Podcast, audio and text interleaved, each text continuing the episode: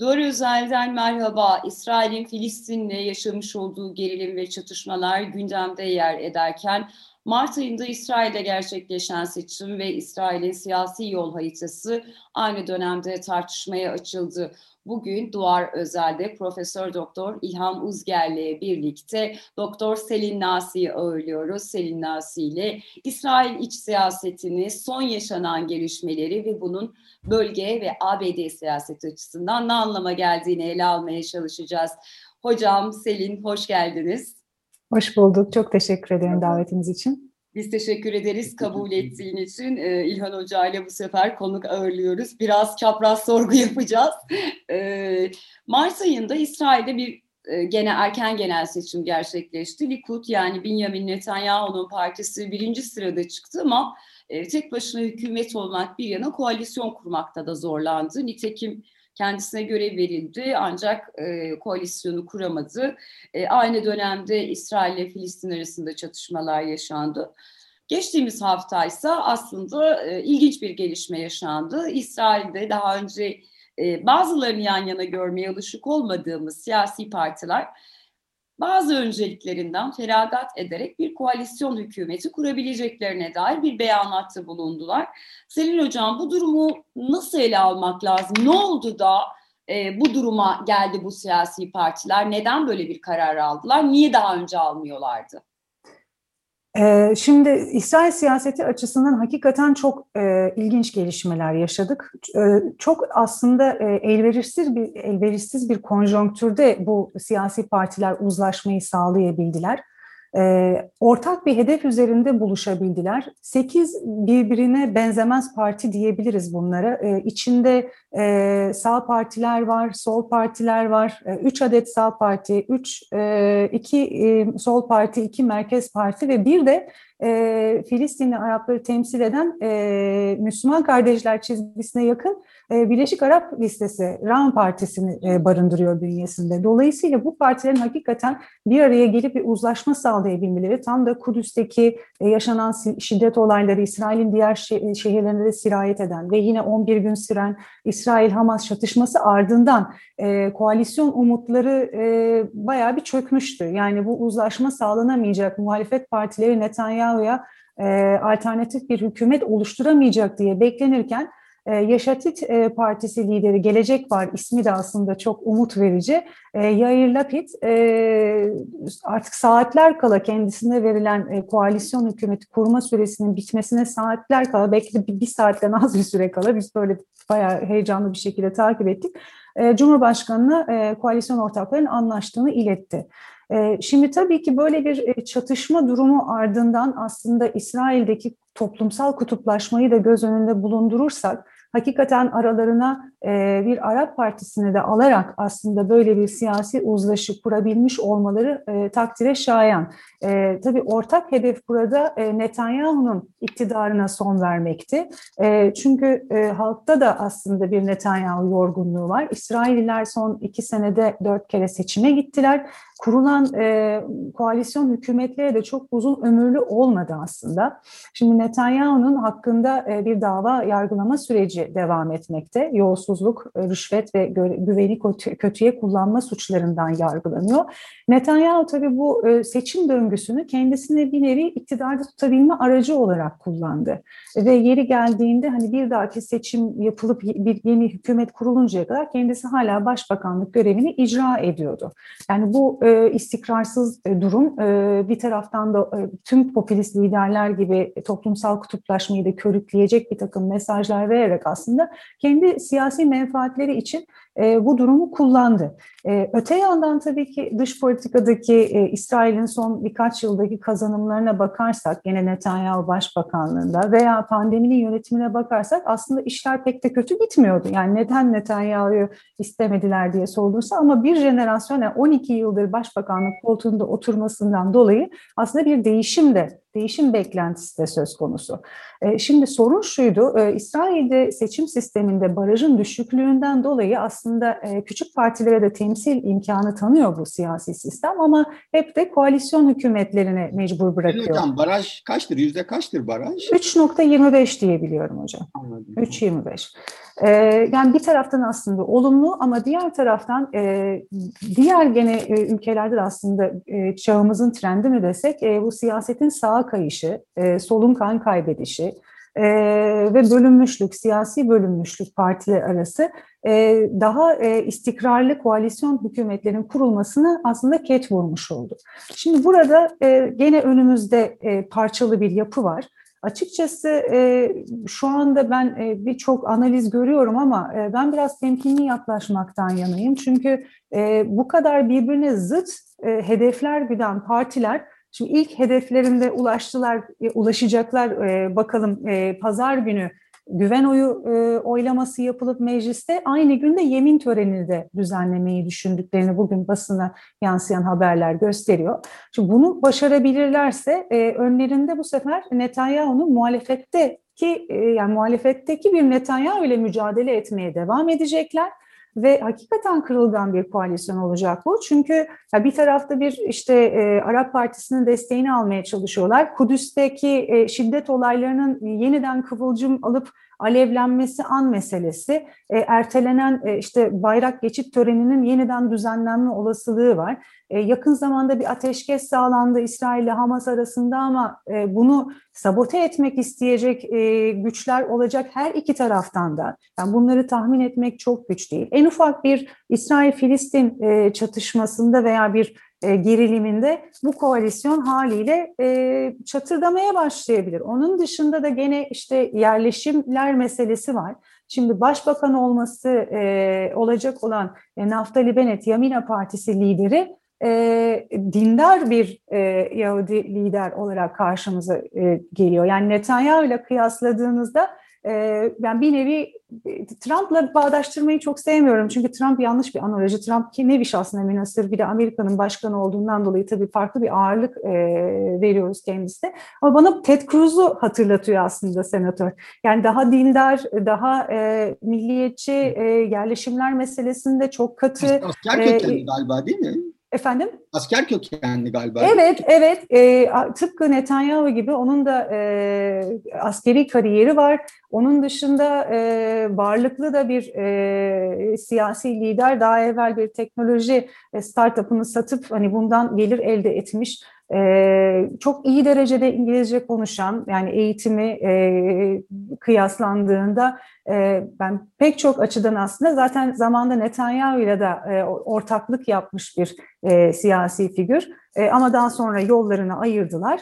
E, ve e, bugün itibariyle işte Türkiye için de çok önem e, teşkil eden e, Filistin meselesi e, konusundaki duruşu Netanyahu'dan bile aslında daha sert. E, 1967 sınırlarına geri, dönüş, geri dönüşü kabul edecek o temelde bir iki devletli çözümü tamamen reddeden bir başbakan profili olacak. Bu şartlar altında içinde barındırdığı daha şahin sağ partiler de ağırlık koymayacaklar mı? Ya da işte bu dengeler nasıl sağlanacak? Ben bugünden hakikaten öngöremiyorum şahsen. Biraz da yaşayıp deneyimleyeceğiz bu pratiğin nasıl işleyeceğini.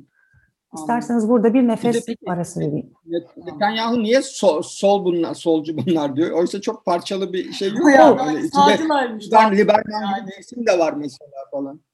Yani e, zaten e, komplo teorileri, hakaretler ve karalamalar e, şu ara havada uçuşuyor. Yani Netanyahu tabii ki gideceğini... Ülkemizdeki siyasetimizde hiç görmediğimiz, hani biz çok nezihiz, nasıl yani hakaret mi ediyorlar? Çok ilginç. Ben Türkiye-İsrail ilişkileri çalışırken zaten beni en çok hayrete düşüren aradaki benzerliklerde, hakikaten çok ironik bir takım benzerlikler var. Bir kader birliği, etmişliği var. E, o yüzden onu orada keseyim ama şöyle bir durum...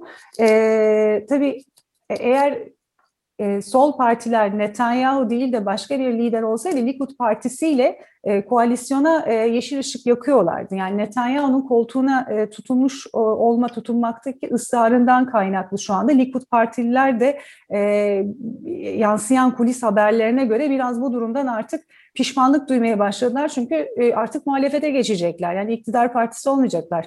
E, tabii yani her şey değişebilir. Hakikaten yani Orta Doğu'da bir gün dahi yeteri kadar uzundur. Yani önümüzde çok daha zorlu bir süreç görünüyor.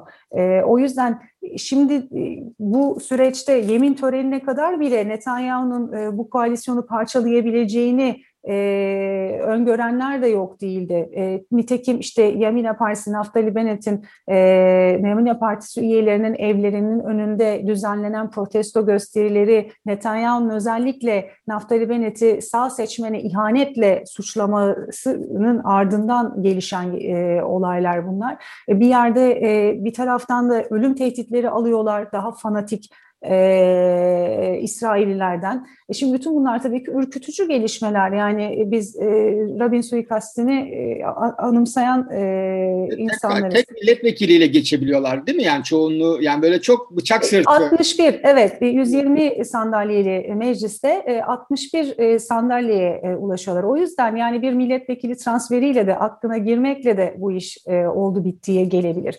O yüzden çok fazla hani bu hükümet değişikliğine bel bağlayarak bakarak aslında Türkiye-İsrail ilişkilerini yorumlamak da pek sağlıklı olmayacaktır diye düşünüyorum. Çünkü İsrail tarafında e, bir taraftan da bir güvenlik bürokrasisi var ve hakikaten dış politikaya o güvenlik penceresinden bakıyorlar ve realist bir dış politika izliyorlar. Yani kimi sevdik, kimi sevmedik, kim dostumuz değil şeklinde bir duygusal yaklaşım kesinlikle söz konusu değil. Fazlasıyla pragmatik.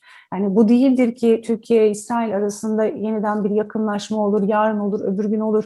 E, bunu e, yorumlarken aslında sadece Ankara'nın tarafından değil, İsrail'in de beklentilerinin ne olabileceği üzerinden aslında biraz e, olayları okumaya çalışmak lazım. Yani Netanyahu ve Erdoğan arasındaki liderler arasındaki o kan uyuşmazlığından dolayı haliyle e, Ankara'da bu değişim e, çok e, olumlu şekilde değerlendiriliyor. En azından benim okuduğum kadarıyla şu anda e, yorumlar bu yönde. Fakat ben aynı iyimserliği maalesef ki paylaşamıyorum. Çünkü e, Ankara'dan gelen aynı zamanda mesajlar İsrail'in Filistin meselesindeki tavrının değişik, yani tavrında bir değişikliğe gitmesini talep ediyor. E, ben yeni yönetimin duruşuna bakıyorum. Sağ partiler, merkez partiler hatta sol partiler aşırı sol olmadığı müddetçe yani belli başlı konu konularda özellikle İsrail-Filistin barışı konusunda e, tamam sol partiler belki biraz daha iki devletli çözümden yana ama yerleşim meselesi olsun veya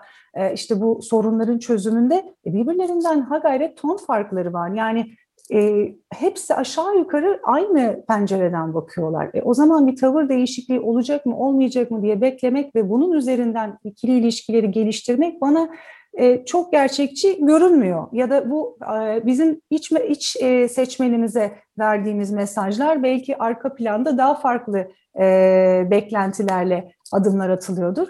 Ama bu son e, yaşanan işte İsrail-Hamas çatışmasında e, gördük ki özellikle Ankara'nın kullandığı üslubun tepki çektiğini gördük. E, nitekim işte İsrail e, Enerji Bakanı Ankara'ya, Antalya'ya gelecekti da o daveti geri çektiler. E şimdi orada bir duraklama e, görülüyor bir taraftan. Yani o noktaya kadar gelindi. Sonra e, Ankara'dan gelen mesajlar işte ümmet bizden bir e, adım bekliyor, hareket bekliyor şeklinde. Sanki o işte bölgesel e, diplomatik yalnızlığımızı giderebilmek için başlattığımız o normalleşme girişimlerinde İsrail'i bir kenara ayırdık. Biz Arap ülkeleriyle ilişkilerimizi düzeltelim e, İsrail'e de bakarız bir ara şeklinde. Bu ciddiye alınıyor mu Selin Hocam? Yani şöyle söyleyeyim, biz burada ciddiye almadık bunu mesela. Hani bunun yani iç kamuoyuna yönelik bir hani retorik olduğunu biz biliyoruz. Yani Arap dünyasından böyle bir şey talep yok. Zaten imajı 2000'lerdeki gibi değil Erdoğan'ın. Yani te- tepki de var. Dolayısıyla da o böyle hani ortaya atılmış biz şeyin sahibiyiz, uluslararası güç gönderilsin falan. Hani burada biz burada ciddiye almadık. Türkiye'de muhtemelen kendi seçmeni bile ciddiye almadı. Yani İsrail'de bunu ciddiye mi aldılar? İsrail'in ciddiye almasından ziyade şöyle bir durum var. Yani en azından benim bugüne kadar hep görüşme, görüşebildiğim ve konuşabildiğim yetkililerden aldığım izlenim şu yönde İlhan Hocam.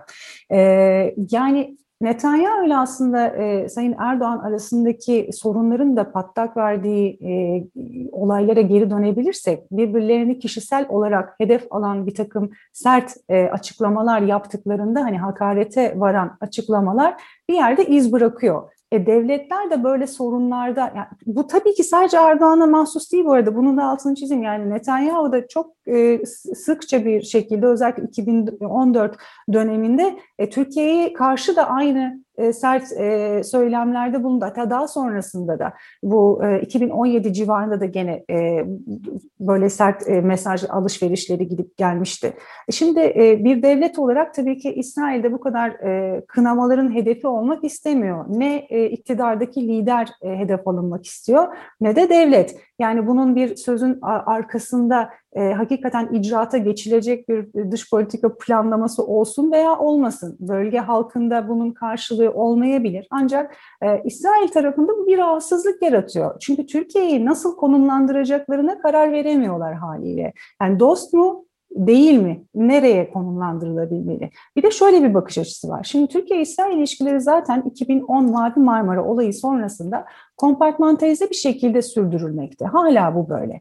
Yani belki e, işte 2016'da büyükelçiler geri çekildi. Ancak e, diplomatik temsil indirilmedi, temsil düzeyi.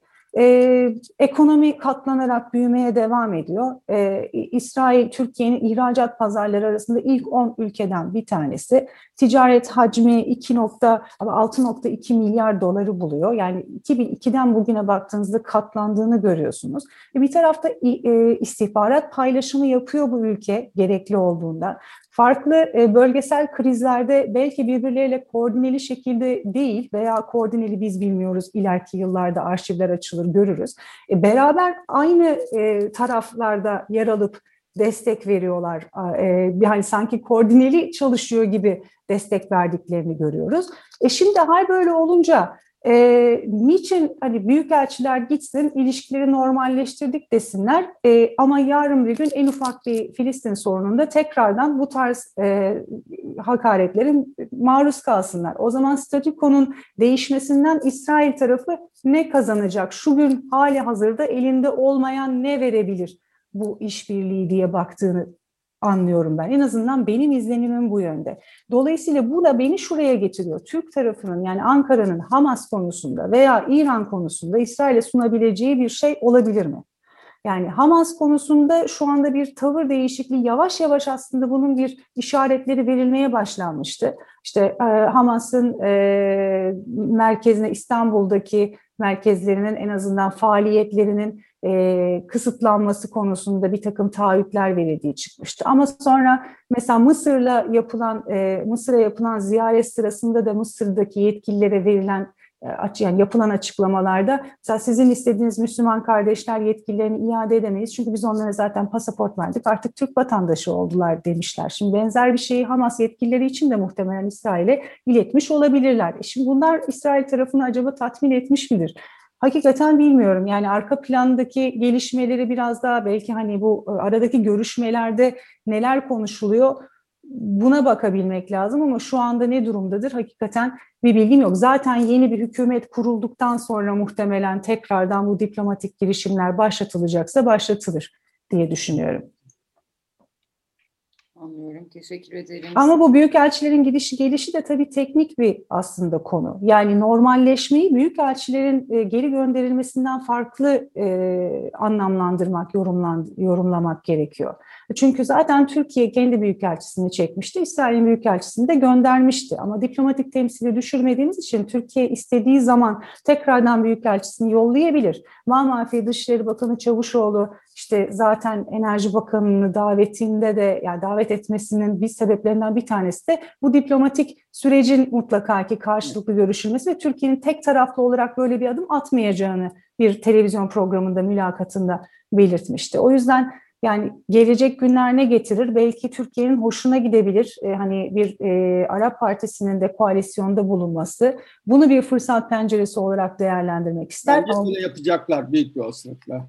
Bunu yapacaklardır ama e, yani hakikaten e, istedikleri gibi bir yönetim bulacaklar mı? Ben bugünden öngöremiyorum. E, yani olayları onların arzu ettiği gibi gelişecek bir hükümet veya ne kadar uzun süre kalıcı olacak bilemiyorum. E, tabii bölge için e, mutlaka ki bir e, istikrar sağlayacaktır. E, Türkiye açısından o diplomatik yalnızlığı kırmak, Doğu Akdeniz Gaz Forumu e, üyeleriyle, diğer üyelerle de sorunlarımızı çözmede en azından bu sefer İsrail'in arabuluculuk edebileceğini düşünüyorum. E, o çünkü ona da mutlaka ki bir getiri sağlayacaktır bu.